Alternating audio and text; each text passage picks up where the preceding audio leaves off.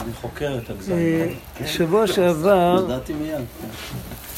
דיברנו על איזושהי הקדמה, היה לנו הקדמה ארוכה.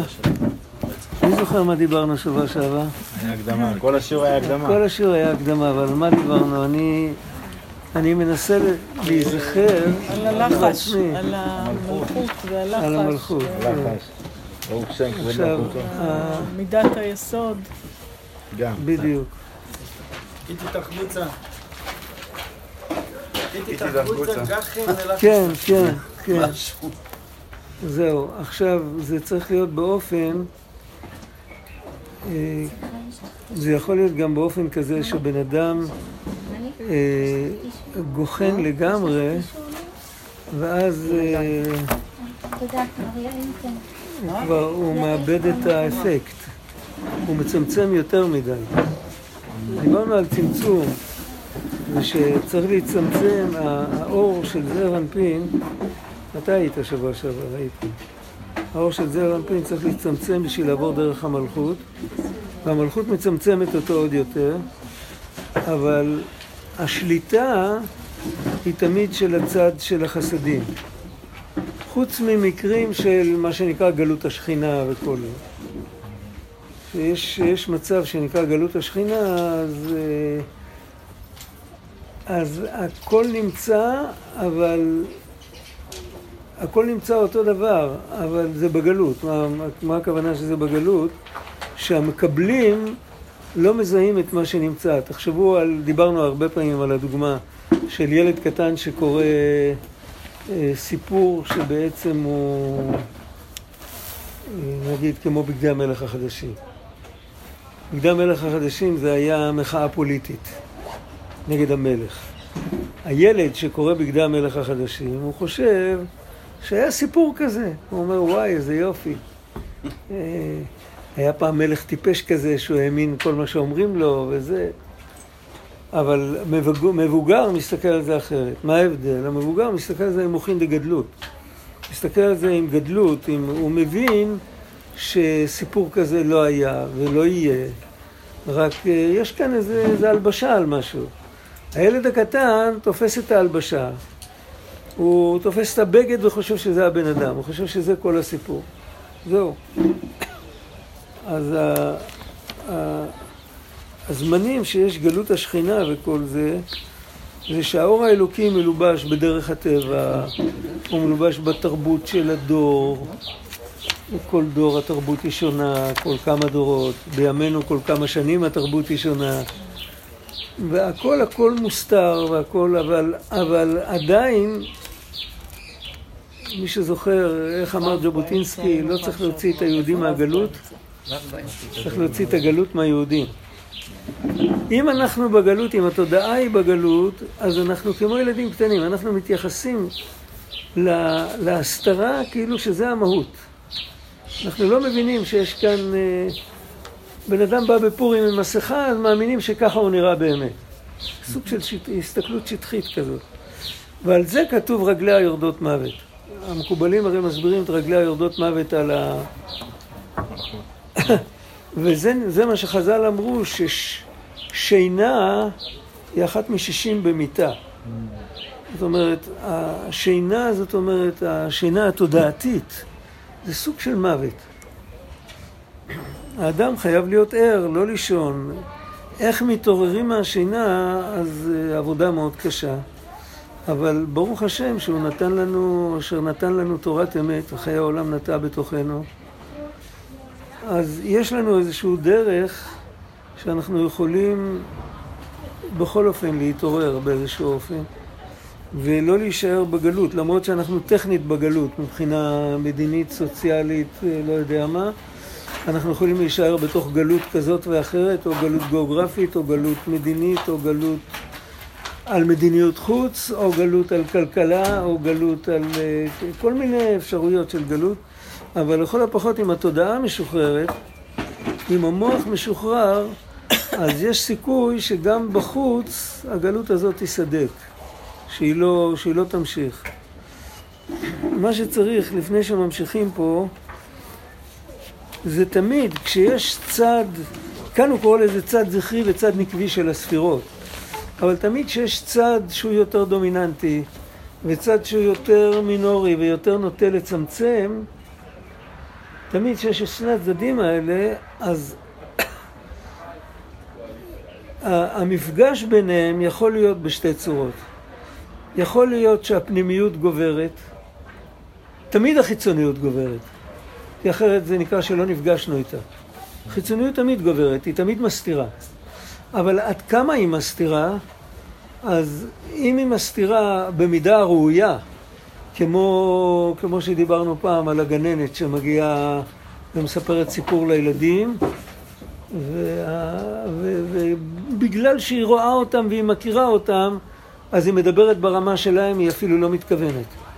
אבל אם היא לא תכיר אותם, נגיד אם היא תהיה גננת מחליפה, אז יכול להיות שהיא תדבר גבוה מדי והם לא יבינו שום דבר.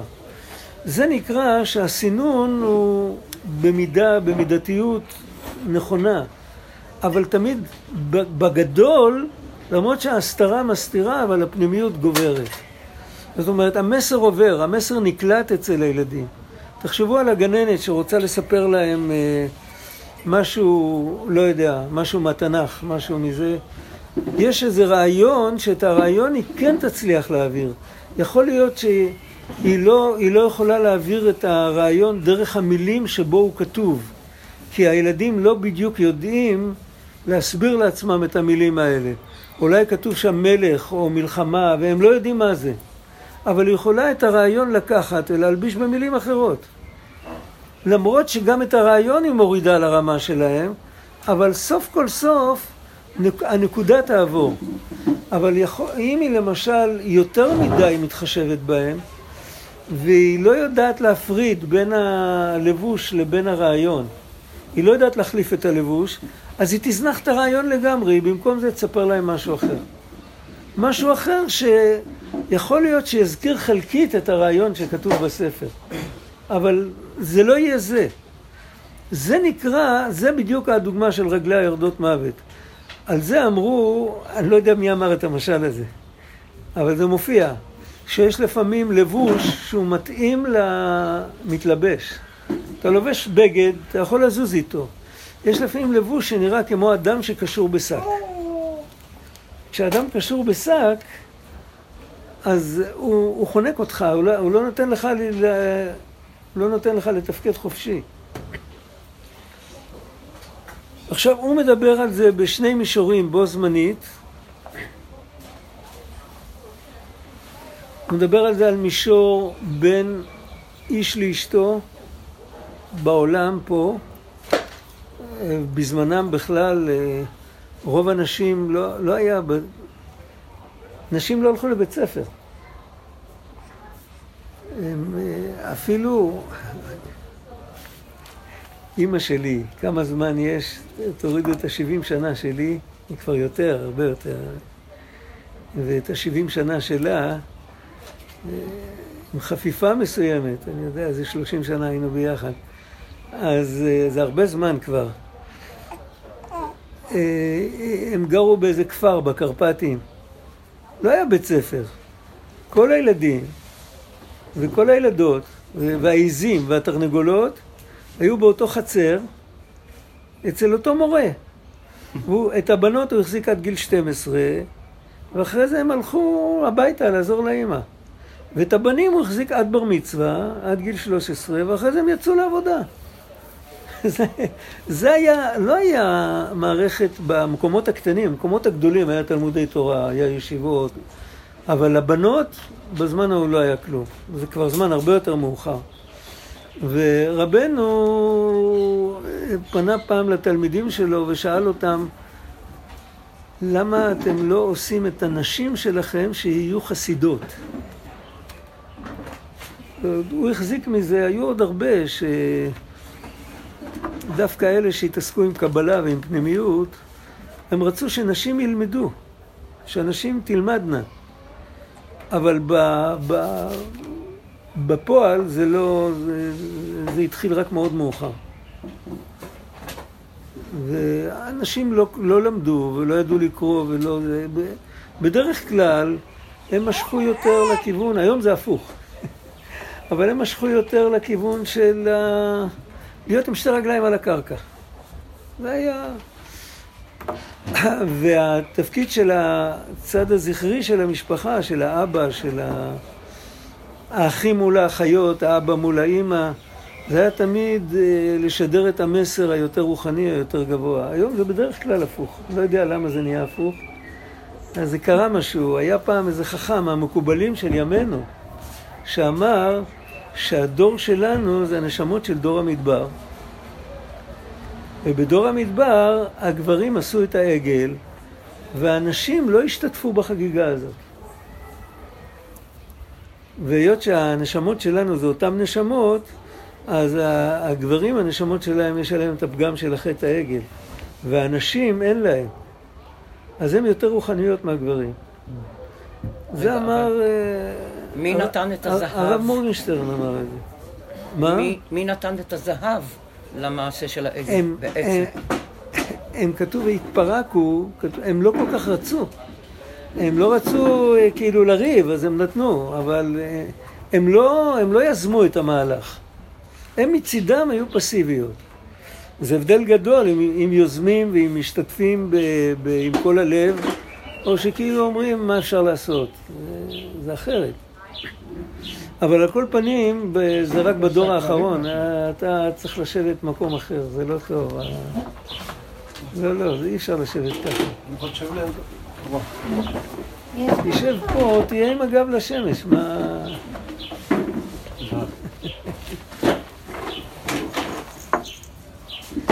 אין עוד אחד כזה? יש. אה? לא צריך. לא, עזוב, עזוב, בינתיים כולם מסודרים, אבל פעם הבאה ניקח שלוש. שכותב שהגברים נתנו את הזהב.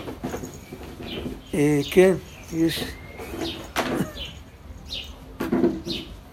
אה, אינך יכול לעמוד על אופייה של אומה זו. נתבעים לעגל ונותנים, נתבעים למשכן ונותנים. זה לשון של חז"ל. אבל כל פנים, היום האווירה היא שונה לחלוטין, אבל בזמנו זה היה העניין. העניין היה שהבעל צריך לבוא מבית מדרש ולספר איזה מאמר חז"ל, לספר איזה סיפור, להרים את האישה. זה התפקיד שלו. ואם הוא לא עושה את זה, אז היא תקרקע אותו לביזנס שלה. זאת אומרת, הוא יהיה, כמו, יהיו כמו... הוא ישכח את כל מה שהוא למד ואת כל הזה, והוא יהיה, הוא יהיה חלק מה, מהעיזים והתרנגולות, כמו שאומרים. הוא יהיה גם כן שם. ומזה צריך להיזהר. למה? כי זה, במקום להתלבש בתוך השני ו... ולמשוך אותו אליך, אתה נכנס אליו ואתה נקשר בו. אתה לא יכול... הוא קושר אותך. בכל מפגש בין אנשים זה ככה, תמיד יש אפשרות שהפנימיות תגבר, היא תגבר לא עד הסוף, כי אחרת יהיה ריבוי אור, אבל היא תגבר, אחרי ככלות הכל היא תנהיג. מפגש של אדם ומכונה למשל, זה גם אותו דבר. וגם מפגש של אה, שני אנשים, רב ותלמיד. אז תמיד יש, או שזה מושך או שזה מושך. מלך ושרים. על צדקיהו כתוב, היה עשרה בעיני השם, וחז"ל אמרו שהוא לא היה רע בכלל. כל הרוע שהוא עשה, זה היה שהוא נתן לשרים להנהיג והוא נגרר אחריהם. זה חז"ל בתלמוד. הוא היה צריך להנהיג. עכשיו, מה זה הנקודה הזאת? לכאורה, מה זה, מה זה כל כך רע אם בן אדם מוותר על ההנהגה ונותן למישהו אחר? יכול להיות אפילו שזו מדרגה גבוהה. למה, למה זה כל כך רע? הנקודה היא שיש, כרוך בזה נקודה של אה, לזרוק את האחריות. אתה המלך, זה ברור. עכשיו אתה, אתה הרופא, אתה המלך, אתה המציל, אתה, אתה לא יכול להגיד אני לא יודע, לשחק את הענב. אין מישהו אחר. במקום שאין אנשים, תשתדל להיות איש. אותו דבר, יש לנו את זה ב, בתוך האישיות שלנו. יש לנו את הצד הזה ואת הצד הזה. יש לנו את הצד שהוא אזרח של כדור הארץ, מה שנקרא. הוא חלק מהביולוגיה. ויש לנו את הצד האלוקי שהוא יותר גבוה ממלאך. המלאך הוא חוכמה גדולה שהוא גבוה, לא נתנו לו גוף, אז אה, הוא מאיר כמו אור גדול. אבל הנשמה שלנו, היא לולא הגוף, היא הייתה מאירה הרבה יותר מהמלאך. היא לא הייתה יכולה להגיד אני בכלל, היא הייתה שלוחה אלוקית. ואחרי שהיא נמצאת בתוך הגוף, יש לה תפקיד. מצד אחד, היא צריכה להצטמצם, ושהגוף יוכל לסבול אותה. מצד שני, היא צריכה להנהיג. היא לא יכולה להגיד, אה, כאילו, לשחק את ה...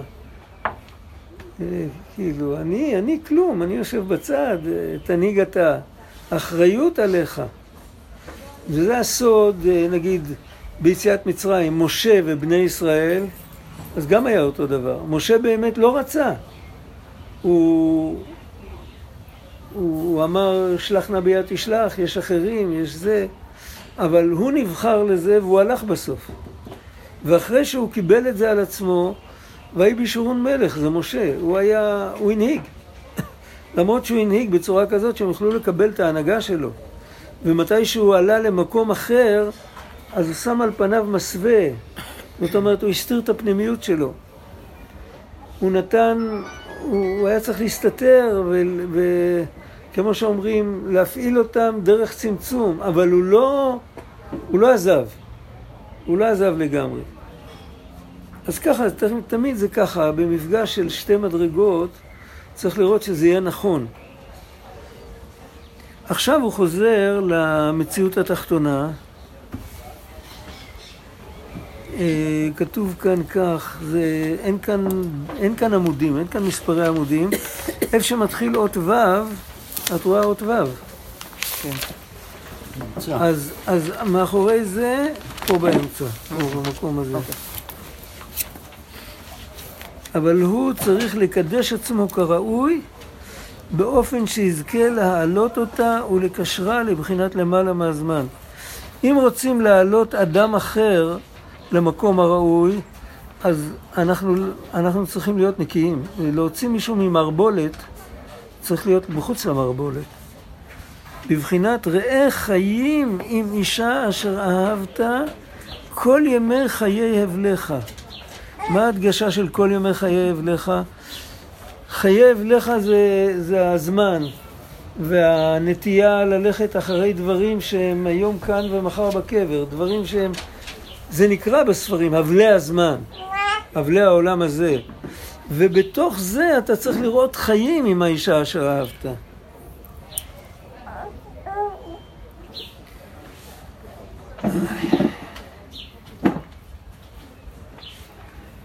שצריך לראות להמשיך חיים, והיינו, על ידי שמקשר ומעלה הזמן בבחינת אישה לבחינת למעלה מהזמן ששם עיקר החיים.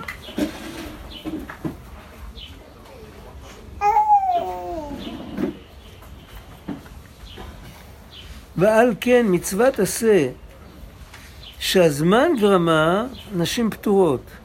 אבל פה צריך להבין, יש... אה, מה זה עניין של מצוות עשה שהזמן גרמה? נשים חייבות בהרבה מצוות עשה שהזמן גרמה, כמו שבת, כמו פסח. אה, יש כמה מצוות שהן נועדו לתקן את הזמן ונשים פטורות מהן. מה הרעיון של מצוות שקשורות בזמן? בעצם התורה היא למעלה מהזמן, והמצוות של התורה הן לא קשורות דווקא בזמן. בכל זמן, בכל סנצ'רי, uh, כמו שאומרים, תמיד צריך לקיים אותם, התורה היא נצחית. מה זה נקרא מצוות שתלויות בזמן? אז צריך להבין. בואו נתאר לעצמנו שהיה שני מסלולים מקבילים לאדם. היה לו מסלול אחד, שזה מעגל השנה. קיץ, יום ארוך, חורף, יום קצר, אה, כאילו זרע וקציר, חום וקור, חיץ, קיץ וחורף, כמו שכתוב שם, אחרי המבול, כל הסדר. ובן אדם יודע מה הוא עושה בכל תקופה, עכשיו אה, חורשים, עכשיו זורעים, עכשיו זה... והמצוות, היו, עם המצוות היה מתעסק, היה כל בוקר היה מתפלל, היה בשבת הוא היה שובת, היה... אבל בלי, בלי קשר לזמן בכלל. בלי קשר לזמן. אתה רוצה, אתה רוצה להתפלל בבוקר, תתפלל בבוקר. אתה רוצה להתפלל בערב, תתפלל בערב. אתה רוצה... כמו שאתה נותן צדקה בכל זמן, אתה יכול גם לעשות מה שאתה רוצה בכל זמן, בלי קשר לזמן. היו נוצרים אצלנו בתודעה שני מערכות מקבילות. מערכה אחת של חיים בטבע, של ביולוגיה, מערכה שנייה שאיכשהו צריך לעבוד את השם. עכשיו, ב, ב, אצל בן אדם שהוא בן אדם שהוא לא למד והוא לא יודע והוא לא, לא התבונן הרבה, איכשהו, אז המובן מאליו שלו תמיד יהיה הביולוגיה, הטבע, הזמן. זה תמיד ידחה. איך, איך סיפרה לי יהודייה זקנה מפולין, היה לה חנות חומרי בניין בכפר חב"ד. יהודייה מעניינת כזאת, זקנה, זקנה. היא סיפרה על, ה... על, על החוויות ילדות שלה. הם גרו בכפר בין הפולנים, וכשהיה מגיע החג הנוצרי באמצע הקציר, אז הכומר היה אוסף את כולם לכיכר השוק, והיה מרים ידיים ומצטלב וזה, והיה אומר, החג נדחה לאחרי הקציר. היה מגלגל עיניים ועושה את כל הזה, החג נדחה לאחרי הקציר. זאת אומרת, וזה הטבע האנושי, קודם כל צריך לחיות, צריך לשרוד, שם אי אפשר להפסיק באמצע קציר בגלל שבקיץ, גם בקיץ יורד גשם. כל החקלאות שם בקיץ, ובכל, אתה יכול לראות, אז לא היה תחזית, אבל חקלאי, שכל הזמן בחוץ, אתה יכול להבחין שעוד חצי שבוע ירד גשם. הוא רואה לפי הרוח, לפי הזה. אז uh, הוא, בא, הוא אומר, נדחה את החג לגשם, צריך לגמור לקצור. אם ירד גשם על הקציר, הכל יקבל עובש. אי אפשר. זאת אומרת, זה... התורה נתנה לנו כאילו גבולות, התורה מתערבת לנו בתוך, ה, בתוך הלוח זמנים שלנו, והיא נכנסת ככה עד הסוף. מה זה אומר? זה אומר לנו איזה סיפור אחר לגמרי. אנחנו נבראנו לקיים את התורה. כדי שנוכל לקיים את התורה ברובד, ברובד הגשמי, אנחנו צריכים גם את הביולוגיה, צריכים גם את המזון, צריך גם את החיטה, צריך לקצור אותה. אבל העיקר הנקודה שבאנו לעולם זה בשביל, בשביל לקיים את, את רצון השם. זאת אומרת, המצוות שתלויות בזמן, שהן לא מתחשבות בכלום, חוץ מפיקוח נפש. אבל uh, מגיע השבת, אתה לא יכול לדחות את השבת לאחרי הקציר. אין, אין, אין דבר כזה אצל יהודי. הדברים האלה הם באים לתקן את הזמן, זאת אומרת שהזמן לא ייראה כ... כעיקר הכל. זה לתקן את התודעה, את המודעות של האנשים. זה לתקן את המודעות של האנשים, לתקן את המודעות שגם אותה השם ברא. אוקיי, כן, אבל, אבל בצורה כזאת יש איזו עבודה, יש איזה... מתרחש משהו, זה לא, אנחנו לא רובוטים. יכלו גם לתקן את התודעה שלנו מיד, בלי כל המצוות. אבל אז היינו או כמו מלאכים או כמו רובוטים. וככה, אז יש לנו בחירה, אנחנו יכולים לזרום עם, ה, עם הכלל הזה, ואנחנו יכולים גם להתנגד ולהגיד, לא, זה דחוף לי, אני עכשיו צריך... אה, אני את השבת אעשה כמו שאני רוצה, ואני לא שואל את אף אחד. אז יש כאן, אה, יש כאן מרווח של בחירה. והמצווה, אז ככה, לנשים נתנו את השבת, ונתנו את הפסח, ונתנו את הכל. אבל יש כמה מצוות שהזמן גרמה, למשל אה, הנחת תפילין, או, או טלית, או כל מיני דברים כאלה שקשורים ביום ולא בלילה. איזה עוד דוגמאות יש? אני לא זוכר כרגע. כן. אה, כן, אה, כן, יש כל מיני דברים ככה. הדברים האלה, זה לא התפקיד של האישה. למה זה לא התפקיד של האישה? האישה שייכת במהות יותר לחלק, לקטע הזה של המציאות של הזמן. היא לא יכולה להיות מעליו ולתקן אותו. כשהיא מתחתנת, אז הם ביחד הופכים להיות יחידה אחת, שהוא נותן, את ה, נותן את הכוח והיא נותנת את הסינון, את ה... זה פחות או יותר הכיוון פה. כי הם בעצמם אין להם כוח לתקן ולקשר הזמן לבחינת למעלה מהזמן. זה מבחינת, אה? כל המצוות עשה שהזמן גרמה, וכמובן מזה בסימן ע"ט בליקוטת עניינה, בראשי פרקים שמצאנו מאדמו"ר ז"ל, המתחילים הכל כל יעקב, עיין שם, יש שם אה, רבי נחמן אמר פעם לרבי נתן, אני רוצה לומר תורה כל שבת. והוא רשם לעצמו ראשי פרקים של תורה אחת ארוכה מאוד, שאי אפשר להגיד אותה בפעם אחת. והראשי פרקים האלה היו מחולקים, ההתחלות היה לפי פרשת שבוע, כמה שבועות קדימה, ו... ורבי נתן לא הבין מה שאומרים לו. הכוונה הייתה, הרי אף אחד לא זוכר כל מה שאני מדבר בשבת, רק חוץ ממך אף אחד לא זוכר, הכל נשכח. אז אם אתה תגיע אליי לשבתות, אז אני אתחיל להגיד תורה כל שבת. רבי נתן החזיק את עצמו לעין ואפס, הוא תמיד היה כזה, הוא אף פעם לא... הוא לא חשב שעושים ממנו איזה עסק. אז uh, הוא לא הגיע, הוא לא אמרו לו להגיע, אז הוא לא הגיע, הוא המשיך להגיע פעם ב... אז רבנו לא אמר את זה, ואחרי שהוא נפטר, מצאו את, ה... את הראשי פרקים. והראשי פרקים הם כתובים מאוד בקיצור, זה לא כמו קיצור של משהו שלמדת אותו. זה קיצור של משהו שאתה רוצה רק עכשיו להתחיל לכתוב אותו. זה קיצור אחר. אבל רבי נתן פענח חלק מזה, ואת הפענוח שלו הוא הדפיס. זה בחלק ב' של ליקוטי מהר"ן בתורה ע"ט. ושם הנקודה של כל ההמשך הזה, זה המשך ש... זה, אם זה היה, אם זה היה הכל נאמר ונכתב, זה יכול להיות ספר. רק, ה, רק הראשי פרקים האלה. הנקודה שם, שהתשובה זה לעלות למעלה מהזמן. היית פה מאחורה, נכון? היית פה כל הזמן. עכשיו אתה לא תוכל להסתכל פה, שמש, למה, למה ברחת? אותו דבר כמו שם. לא אני מפריע. אראה אותך באור- באורות גבוהים. לא, לא מפריע. טוב, אז תזכור שבוע הבא להביא עוד אחד. לא, לא, אם אתה רוצה. יש. יהיה לך קשה את כל הסרט. על כל פנים, מה הנקודה שם? הנקודה שם, שהוא אומר שתשובה היא למעלה מהזמן. עכשיו, הרעיון שתשובה היא למעלה מהזמן כתוב בהרבה ספרים. הרעיון המקורי שתשובה היא למעלה מהזמן, זה שעם תשובה אפשר לתקן את העבר. אם, אם אתה לא למעלה מהזמן, איך אתה יכול לתקן את העבר? בזמן אתה לא יכול לנוע אחורה, זה לא כמו מקום, אתה יכול לנוע לכל הכיוונים. הזמן הוא רץ קדימה וזהו. העבר כבר אין. העבר אין.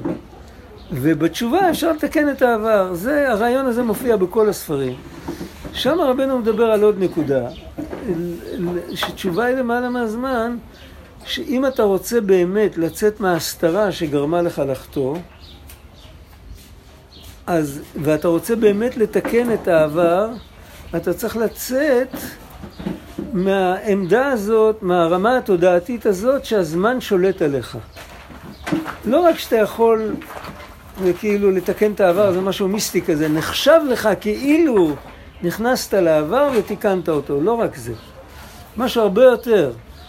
אתה בעצמך צריך להיות במקום שבו אתה רואה את העבר ואת ההווה ואת העתיד אחד ליד השני. לא אחד, לא זה אחר סור זה, אלא אתה מסתכל על הכל כעל יחידה אחת. לצאת מההגבלה, מהגבולות של הזמן.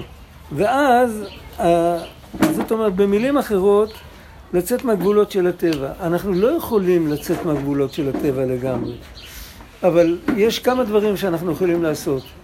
דבר אחד, אנחנו יכולים להאמין באמונה שלמה שאלוקים הוא למעלה מהזמן, והזמן זה מימד שהוא יצר, בדיוק כמו שהוא יצר את הגבולות של התודעה, שיש דברים שאנחנו משיגים ויש דברים שאנחנו לא יכולים להשיג.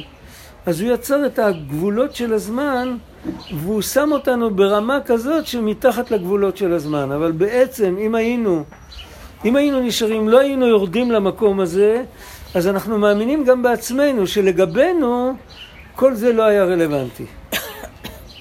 איך אפשר לתת לזה דוגמה? מישהו, מישהו פעם נתן דוגמה שהיא לא דוגמה אמיתית בגלל שהוא הוא החליף פרה בחמור, הוא החליף את הזמן עם המקום. מה הוא אמר? הוא אמר, כשאנשים רצים אחד אחרי השני, כשאתה עומד בצד, אז אתה רואה את האחרון, ואתה לא רואה את הראשון, אבל אם אתה עומד למעלה, והם רצים מסביב למגדל, אז אתה לא יכול להגיד מי קודם ומי אחר כך. יש לפעמים מישהו שרץ נורא להשיג מישהו אחר, ואתה יכול לצעוק לו שאתה משיג אותו כבר סיבוב שלם, ואין לך מה לרוץ אחריו. מי שספר את הסיבובים, אתה ראשון, מה אתה רץ אחריו? זאת אומרת שאפשר, אין, אין ראשון ואחרון, אבל כמובן שזה רק דמיון, זה לא השגה אמיתית, כי, כי מה, מה עשית, אה, השלכת את זה על המקום, זה, זה לא פותר את הבעיה. אנחנו, אבל אנחנו כן יכולים להבין באיזשהו מקום שהזמן הוא לא חזות הכל. הוא סוג של מימד, הוא סוג של uh, הגבלה. אבל הדברים בעצמם הם הרבה יותר מה שהזמן. זה לא... זה מופיע, היות שהדברים מופיעים בצורה חלקית, ואנחנו לא יכולים להבין את זה, אז אנחנו חייבים את הזמן. Uh, מישהו אמר פעם, מישהו יותר חכם, אמר פעם, uh, צל. צל. צל אין לו עומק, יש לו רק אורך ורוחב. אם תיתן לו עומק, תיתן לצל קובייה, אז הוא יצטרך להפוך את זה לזמן. הוא יראה שכבה אחר שכבה, זה ייקח לו זמן. ואתה רואה את הקובייה בשנייה, יש אתה תלת מימד. והוא רק דו-מימד, אז הוא לא יכול להשיג קובייה. קובייה לגביו למעלה מהזמן. אם אתה תעלה לממד יותר גבוה, אז את כל מה שפה נראה לך כשלו, כזמן, אתה תראה את זה בו זמנית. יהיה לך עוד מימד. וכן הלאה. זה אנחנו יכולים להאמין, אנחנו יכולים להבין את זה, ויש לפעמים, לפעמים, לפעמים, כשהשם עושה איתנו חסד, ושבריר של שנייה מתגלה איזה הבזק של אמת, אז אנחנו יכולים אפילו להרגיש את זה. זה מאוד נדיר, מאוד נדיר, אבל זה אפשרי. זאת אומרת, הנקודה שהוא אומר שם שצריך לעלות למעלה מהזמן, זה לא שבאמת אנחנו נעלה עם התודעה שלנו למעלה מהזמן. אבל הזיכרון שלנו יהיה במקום שהוא למעלה מעלה. אנחנו יכולים לזכור שיש דבר כזה. מה זה יעשה לנו? זה ייתן לנו גם את התקווה וגם את החרטה. את החרטה זה ייתן לנו כי הלכנו אחרי שטויות שהם בעצם, אם היינו במקום שהוא למעלה מהזמן, לא היינו מחשיבים את הדברים האלה. היינו רואים את כל המכלול, ואז מה, איך, מה המנגנון שבן אדם חוטא? תחשבו רגע. הבן אדם החוטא, הוא, הוא נתפס בסיטואציה, והסיטואציה הזאת הופכת בשבילו להיות כל העולם, ואז בתוך, הוא נבלע בתוך סיטואציה מסוימת, ובסיטואציה הזאת היא עוטפת אותו ככה שאין לו אפשרות להגיב אחרת, אז הוא חוטא. זה יכול להיות בתאווה, זה יכול להיות בכעס, זה יכול להיות בממון, יכול להיות בכל מיני דברים. עכשיו, אם הבן אדם היה באותו רגע יכול לעלות למעלה מהזמן, הוא לא היה יכול להיתפס בסיטואציה. הוא היה רואה את הסיטואציה כמו שאנחנו רואים נמלים על הרצפה. כן, הרבה קטנים כאלה, או כמו שרואים, אה, איך אמר לי פעם חבר זקן, אה, הוא אמר, כשאתה, כשאתה על הארץ, אתה על האדמה, ואתה מסתכל על מגדל גבוה, אז אתה צריך לעשות ככה בשביל לראות אותו. אבל כשאתה נכנס למטוס והוא מתרומם, אז אתה רואה למטה את כולם כמו קופסאות גפרורים. גם את המגדל הגבוה הזה. זאת אומרת, כשאתה מתרומם ברוחניות, אז אתה רואה את ההר הגדול שעמד מולך, אתה רואה גבשושית קטנה. אתה רואה שזה לא היה כלום. זאת אומרת, כשאנחנו עולים למעלה מהזמן, אז אנחנו רואים את הסיטואציה הזאת שאיימה לבלוע אותנו, היא הייתה סך הכל גבשושית קטנה, אנחנו היינו הרבה יותר רחבים ממנה. אז זה מביא לנו את החרטה. זה חרטה לא כמו על חטא, זה חרטה כמו על שטות. זה חרטה של התבגרות. כן, הרב אליהו אמר פעם על משהו, כשהייתי, כשהייתי קטן וטיפש, גם אני עשיתי שטויות כאלה. זה סוג של תשובה, לא בגלל שזה... הייתי גנגסטר, הייתי טיפש, זה הרבה יותר עמוק. זה- הרב, למה אומרים תשובה ולא שיבה? אני לא יודע. כי לא זה, זה יודע, נשמע אני- מבחינה הגיונית הרבה יותר נכון, נכון, להגיד אני- שיבה. אני לא יודע, אני לא יודע. בתנ"ך כתוב, שובה ישראל עד השם אלוקיך. לא יודע. צריך לשאול בלשנים, אני באמת לא יודע. יש בקבלה, והוא מביא את זה בתניא, תשוב ה'. להחזיר את הה' התחתונה. אבל זה גם יכל להיות שובי ה'. או שובה ה'. אני לא יודע. זה לא קשור לשאלות, ספקות אולי? ל... שאלות, ספקות. תשובות, זה לא תשובות. מה זאת אומרת? מה זאת אומרת? תשובה ושאלה. כן. אה, יכול להיות, אה. יכול להיות, יכול להיות, יכול להיות. אני הכרתי ביר- בירושלים יהודי שהיה, הוא הגיע לגיל מאוד מופלג, הוא היה, היה מתמיד גדול. תמיד היה עסוק, תמיד היה, לא בזבז זמן אף פעם. וכשהיו רוצים לקחת אותו לכל מיני דברים, אז היה אומר, כשישאלו אותי, מה אני אענה? מה אני אענה כשישאלו אותי? אבל על כל פנים, זה הנקודה. עכשיו יש גם את הנקודה של השמחה, להפך. שהיות שהבן אדם למעלה מהזמן, אז הוא גם יכול לראות איך אפשר לתקן את העבר. זה לא, לתקן, אם אני נכנסתי לתוך משהו, ועדיין הדבר הזה הוא גדול אצלי והוא בולע אותי, אני לא יכול להאמין שאפשר לתקן דבר כזה. אבל אם אני עובר מעבר לזה, אז אני יכול להבין ש... שיש לזה תיקון.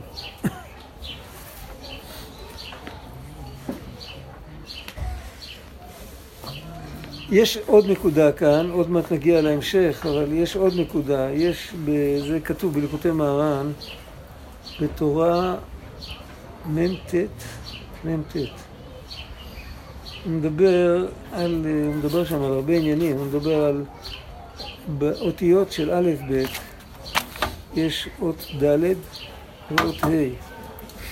אות ד' זה האות השנייה של שם השם, כשכותבים אותו א' ד' נ' י'. אות ה' זה האות השנייה של שם השם, כשכותבים אותו, את השם המפורש, לפי סדר זה האות השנייה. מה ההבדל בין הד' לה'? שהסופר כותב ספר תורה והוא כותב ד' והוא כותב ה', הוא כותב את אותו דבר. אחרי שהוא גומר לכתוב את הדלת, הוא אם הוא רוצה לכתוב ה', בפינה השמאלית למטה הוא מכניס משהו קטן שמאוד דומה ליוד. אבל את המשהו הזה הוא כותב בתוך הדלת ולא מעל הדלת. עכשיו, בכל הדברים האלה יש רמז. הדלת, איך, יש, יש כאן תימנים? יש פה תינוקת חצי תימניה. תינוקת חצי תימניה, נכון, רבע. אה, לא, חצי תימניה, חצי, בטח. אשתך היא תימנית משני הצדדים. אצל התימנים קראו ד', לאות ד', לא קראו ד', קראו לה דל. ואפשר אפשר לכתוב את זה ד' א' ל', זה כנראה הצורה הארמית. אבל בעברית אפשר גם לכתוב את זה ד' ל'. איזה מילה זה דל? דל, אני, דל ואביון. גומל דלים, גומל דלים, זה ג' ד'. וה... יש גם בעוד ראשונים שככה הם היו כותבים, במקום ד' היו כותבים דל. בזוהר כתוב שדל זה מראה על המלכות. שלט לה מגרמה כלום. זה השורש של הזמן. היוד מראה על החוכמה. החוכמה זה ראשית הספירות, זה התחלת ההשתלשלות. השורש של הזמן מתחיל במלכות, בשביל זה בתנ"ך תמיד מופיע השם מלך, השם מלך, השם ימלוך. לא כתוב את זה על מידות אחרות. למרות שאפשר דקדוקית לסגנן את זה. היוד מראה על החוכמה והשפיץ של היוד מראה על הכתר. ואת זה צריך להכניס בתוך הדלת. לא לכתוב אותו מעל הדלת, להכניס אותו בתוך הדלת. זאת אומרת, אחרי כל העילויים שמדברים כאן, על הלמעלה מהזמן ועל הכל זה, צריך לדעת שהתכלית זה לחבר את הכל עם הזמן.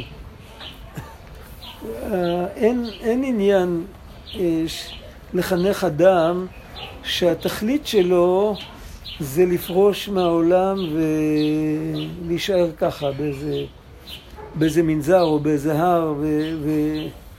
לא לתוהו בראה לשבת יצרה, נתאווה הקדוש ברוך הוא להיות לו דירה בתחתונים. צריך לראות את הלמעלה מהזמן, לחבר אל המציאות התחתונה. ולכן גם אה, לא טוב להיות האדם לבדו, אעשה לו עזר כנגדו, למרות שהיא היא משכה אותו לכיוון לא הכי... אבל אף על פי כן להיות האדם לבדו זה לא טוב. וזה מה שקורה, אז אפשר תמיד לתקן, אבל, אבל לא טוב להישאר לבד.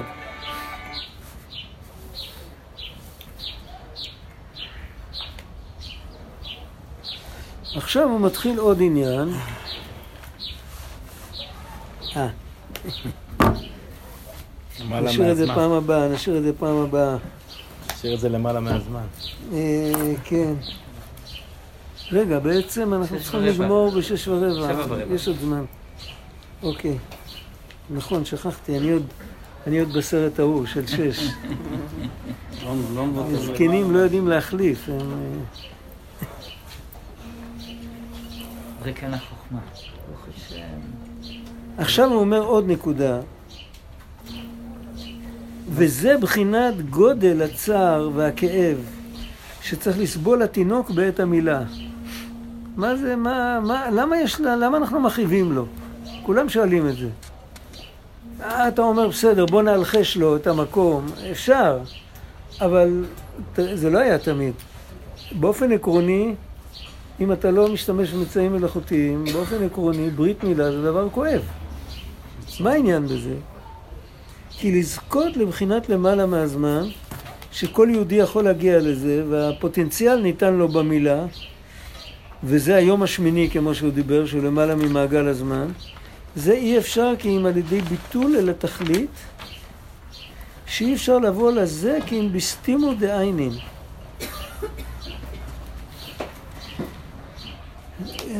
זה צריך להבין, את השורה הזאת צריך להבין טוב. ה- רבי נתן שאל פעם, רבי נתן או תלמיד אחר, אני לא יודע, שאל פעם את רבנו, אתה מדבר על ביטול, מה, מה עושים כדי להגיע לביטול? ביטול לקדוש ברוך הוא. אז הוא אמר לו, מה פירוש? סוגרים את העיניים וסוגרים את האוזניים, אה, סוגרים את הפה, אז מתבטלים. מה הכוונה? הכוונה היא שזה אברי התקשורת שלנו. הפה, העיניים, האוזניים. בן אדם שהדברים האלה סגורים אצלו, אז הוא מנותק מה, מהסביבה. אבל כרגע אמרנו שלא טוב להיות האדם לבדו, וזה לא טוב להיות מנותק מהסביבה. אבל כדי לתקן את הסביבה, צריך להתנתק ממנה מדי פעם. אם בן אדם כל הזמן, כל הזמן ביחד עם כולם, אין לו את הכוח להתחבר למקום יותר גבוה ולקבל משם דיבורים בשביל להשפיע עליהם לטובה.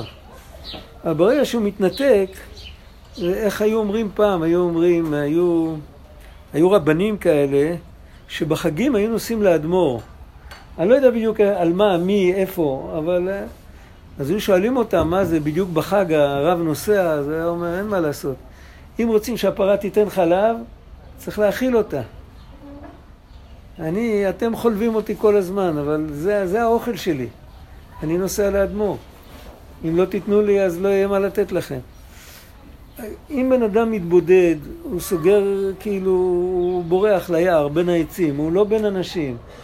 ובאותו רגע הוא מקבל כוח שאחר כך הוא יכול לחזור ולהיות ביחד עם כולם, ובכל אופן לתת להם משהו אמיתי. אבל אם בן אדם כל הזמן ביחד עם כולם, אז הוא לא יכול. הסמל של זה, של לסגור את הפתחים של התקשורת, זה העיניים. זה הסמל.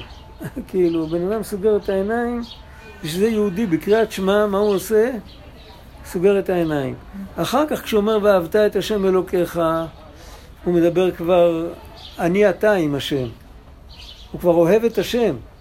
כשהוא מדבר, אה, כשהוא אומר אחד, אז אין אני אתה. זה הקבצן העיוור. בעל התניא הגיע פעם לאיזה עיר, בדרך הוא נסע, אז היה שם אחד מהנכדים של המגיד ממזריץ', שהיה ילד בן שש. אז הוא שאל את בעל התניא, איך אפשר להגיד ואהבת את השם אלוקיך אחרי שאמרו השם אחד? אם השם הוא אחד והכל כלול בו, אז אף אחד לא אוהב אותו כי אין אף אחד. אז, וזה לא סיפור חסידי. הנכד של בעל התניא, הצמח צדק, כותב את זה באחד מהספרים שלו, הוא לא כתב ספרי סיפורים. הוא כותב את זה בסוגריים בתוך אחד מהספרים שהוא כתב על, על המצווה של השם אלוקינו, השם אחד. הוא כותב את הסיפור, הוא לא כותב מי זה היה הנכד. הוא כותב, אחד מנכדי הרב המגיד, נשמתו עדן. ויש שתי דעות מי זה היה, אבל זה לא משנה כל כך. אז ה... הבעל התניא אמר לילד, הוא אמר לו, אנחנו אומרים באמצע, ברוך שם כבוד מלכותו לעולם ועד. אם לא היינו אומרים ברוך שם כבוד מלכותו לעולם ועד, לא היינו יכולים להגיד ואהבת. אבל היות שאומרים באמצע, ברוך שם כבוד מלכותו לעולם ועד, אנחנו נותנים מקום לעולם. כשנותנים מקום לעולם, אז, אז כבר, אז כבר אני אתה עם הקדוש ברוך הוא, כבר אפשר לאהוב אותו. בפרט שאחרי זה אומרים שיננתם לבניך ובמזוזות ביתך, בשעריך, מדברים על העולם. אז העניין זה להביא את התודעה האלוקית אל תוך העולם, אבל באותו רגע שאומרים שמע ישראל סוגרים את העיניים ולא רואים את העולם. ובאותו רגע שאומרים שמע ישראל לא עושים שום דבר, לא מדברים עם אף אחד, לעשות ככה, אנחנו לא עושים. זה כמו שבת שבתון כזה, אה? הכמה מילים האלה. באותו רגע לא מתייחסים לכלום. עם הכוח הזה שבאותו רגע לא התייחסתי לכלום, אני יכול אחר כך לחבר את המציאות. דיברנו פעם על הסוד של הנסירה, מי שזוכר. זוכרים את הבקבוק עם ההברגה? אם תופסים הברגה עקום, האינסטלטור תפס מופע עקום, מה הוא צריך לעשות? צריך לפתוח, ואז לסגור נכון. אם, אם הולכים בכוח, שוברים את ההברגה. אנחנו הרבה פעמים מתחברים לעולם לא נכון. אנחנו מתחברים לעולם בצורה כזאת, חושבים ש... עם כל מיני דמיונות. צריך הרבה תפילה. תקשיבו טוב מה שאני אומר עכשיו. יהודי צריך הרבה תפילה שהוא יזכה לקבל דעת להבדיל בין האמת האמיתית שיש בעולם לבין הדמיונות שלנו. והרבה פעמים כל האינפורמציה שיש לנו מהעולם מסביב, היא עוברת דרך הדמיונות שלנו ומקבל את הצבע של הדמיונות. ולכן... דמיונות של אחרים, לא רק דמיונות זה, שלנו. נכון. אני פשוט לא רציתי להעריך, אני חשבתי על זה. כל האווירה מסביב, והתרבות, וזה, זה משבש לנו את המוח. עכשיו, מה עושים? אנחנו עם העולם תפסנו הברגה עקום. אז מה עושים? צריך רגע לסגור את העיניים, לא לראות את העולם. זה כמו שמפרקים את זה, ואז מחזירים את זה ישר. האלוקים עשה את האדם ישר. ישר יחזו פנימו. צריך להחזיק את זה ישר, ואז אפשר להבריג את זה, אז אפשר להתחבר. זאת אומרת, אם אני מתנתק מהעולם, אני יכול להתחבר אליו נכון. אם אני מסובך בעולם ואני לא יודע להתנתק ממנו, אז אני גם לא יכול להתחבר אליו נכון.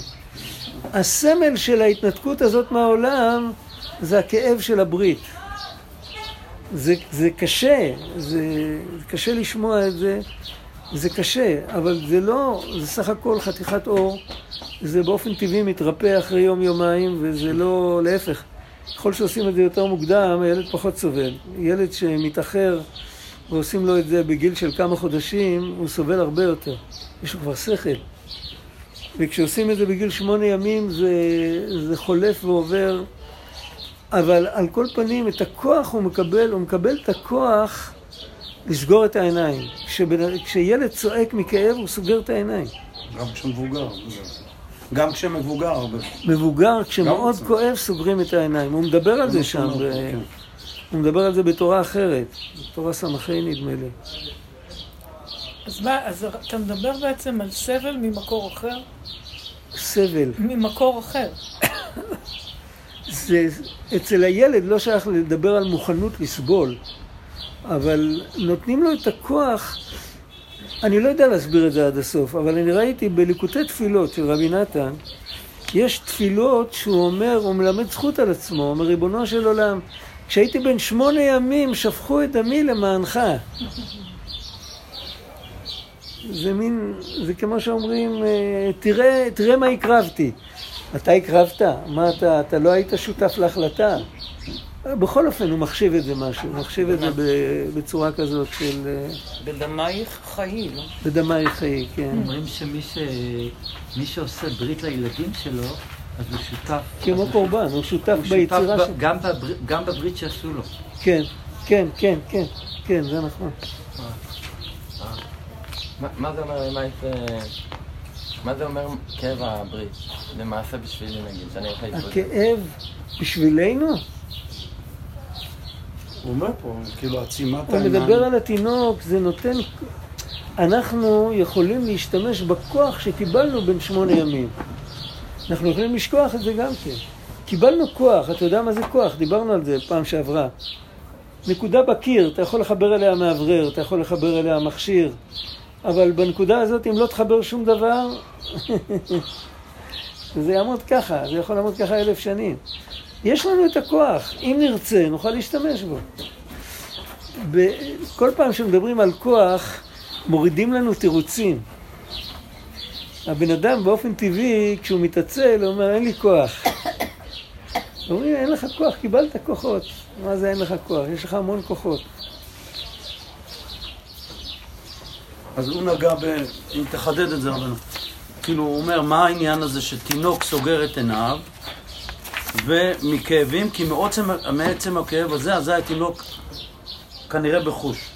ועל ידי זה מה? כאילו, זה, זה משליך על מה? זה, אז זה הוא אומר, שעל. ידי זה הוא מקבל את הכוח לסגור את העיניים מהעולם הזה.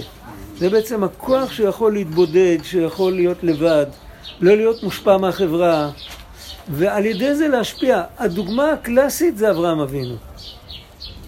אברהם אבינו עבר סיטואציה הרבה יותר קשה, הוא היה ילד כן. קטן, זרקו אותו לכבשן האש.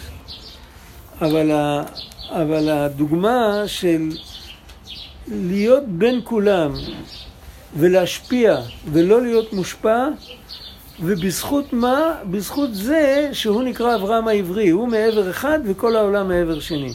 הוא מראש שם את עצמו במשבצת שהוא, שהם לא ישכנעו אותו. הוא חי באיזה סוג של ניתוק מצד אחד והשפעה מצד שני. ואצלו זה לא הלך על זמן מסוים, אבל זה היה ככה כל החיים. ראיתי בספר, אני חושב הרבי מלובביץ' כותב את זה. ראיתי מזמן, הוא אומר שיש חומרים בטבע שאתה לא יכול לחדור אליהם, אבל מצד שני הם מחלחלים הכי טוב בחומרים מוצקים. למשל, כשאתה רוצה לבדוק, אה, ריתחת אה, מכל ממתכת, ריתחת אותו בזה, אתה לא בודק אותו עם מים, אתה בודק אותו עם נפט. כי הנפט הוא שמן, ואפילו אם המים לא יחלחלו, אם יש איזה פרצה בריתוך, הנפט יצא החוצה. ו, ו, אבל אל תוך הנפט אתה לא יכול לחלחל. אתה לא יכול להכניס מים, תמיד הנפט יצוף למעלה. אתה לא יכול לערבב מים עם שמן. אם אתה מערבב אותו, השמן הופך להיות נקודות קטנות כאלה והן עולות למעלה. אז נדמה לי שזה כתוב שם, שהוא אומר יהודי צריך להיות כמו השמן. מצד אחד לחלחל בתוך המציאות, מצד שני שהחושך התודעתי שיש בעולם שלא יחלחל אליו. זה, על זה צריך הרבה כוחות, זה הרבה סייעתא דשמיא, זה לא, זה לא כוח שלנו, זה לא איזה טכניקה, צריך להתפלל.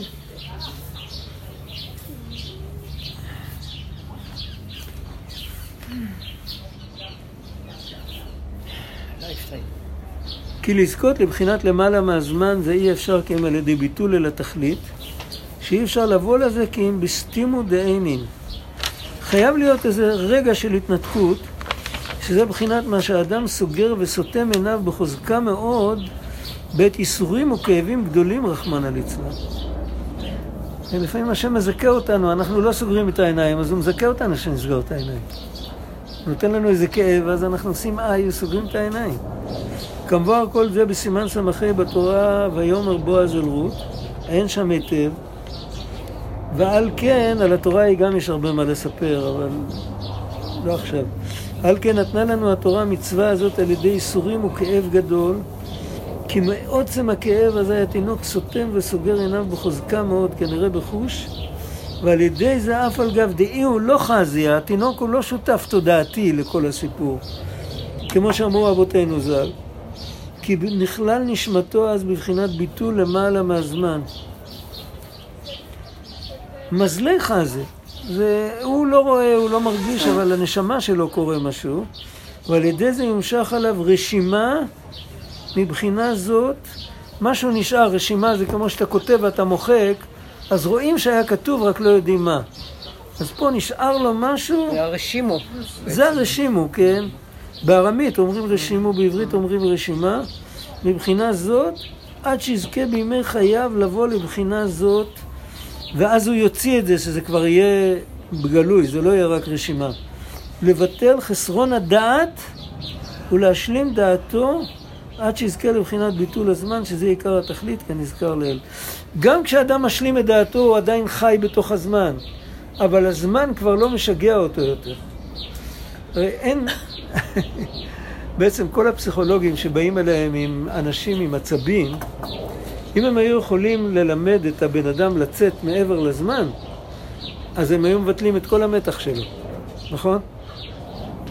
ככה נראה. הנה יש פה פסיכולוג, תשאלו אותו. אם היה אפשר, בן אדם שהוא מאוד מתוח, מאוד במתח, אם היה אפשר לתת לו חוויה של למעלה מהזמן, זה חוויה של נצח כזה. האנשים האלה, אחרי שהם עוברים מוות קליני, הם שלווים לגמרי. כל, אה, כל כך הרבה אנשים, לכולם קורה אותו דבר. אי אפשר להכיר אותם, היו מתוחים ורצים וזה, אף פעם לא... עכשיו הכל כאילו, הכל רגוע, למה? כי הם היו רגע אחד במקום שכל ה... התחברו לאינסוף כזה. כן, כל, כל הבלגן הזה לא נמצא, אז למרות שעכשיו הם בתוך זה, אבל הם יכולים להיות בתוך זה ולהישאר רגועים. אי אפשר ליזום דבר כזה. אבל זה הכוח של האמונה. אנחנו לא יכולים ליזום לעצמנו מוות קליני. אבל זה הכוח של האמונה, שאם אנחנו נכנסים עמוק בו אל התיבה, אם נכנסים, שמים לב למה שקוראים בספר, אז אנחנו יכולים להתחבר שהחיים בעצם הם משהו הרבה יותר רחב, הרבה יותר רגוע ממה שאנחנו מכירים בתוך כל הבלגנים שלנו. זה פחות או יותר, נשאיר את זה פה. ביטול הזמן שכתוב כאן, כן. זה עומד בסתירה למונח אחר של לבטל זמן, כאילו לבזבז. לבזבז זמן, נכון.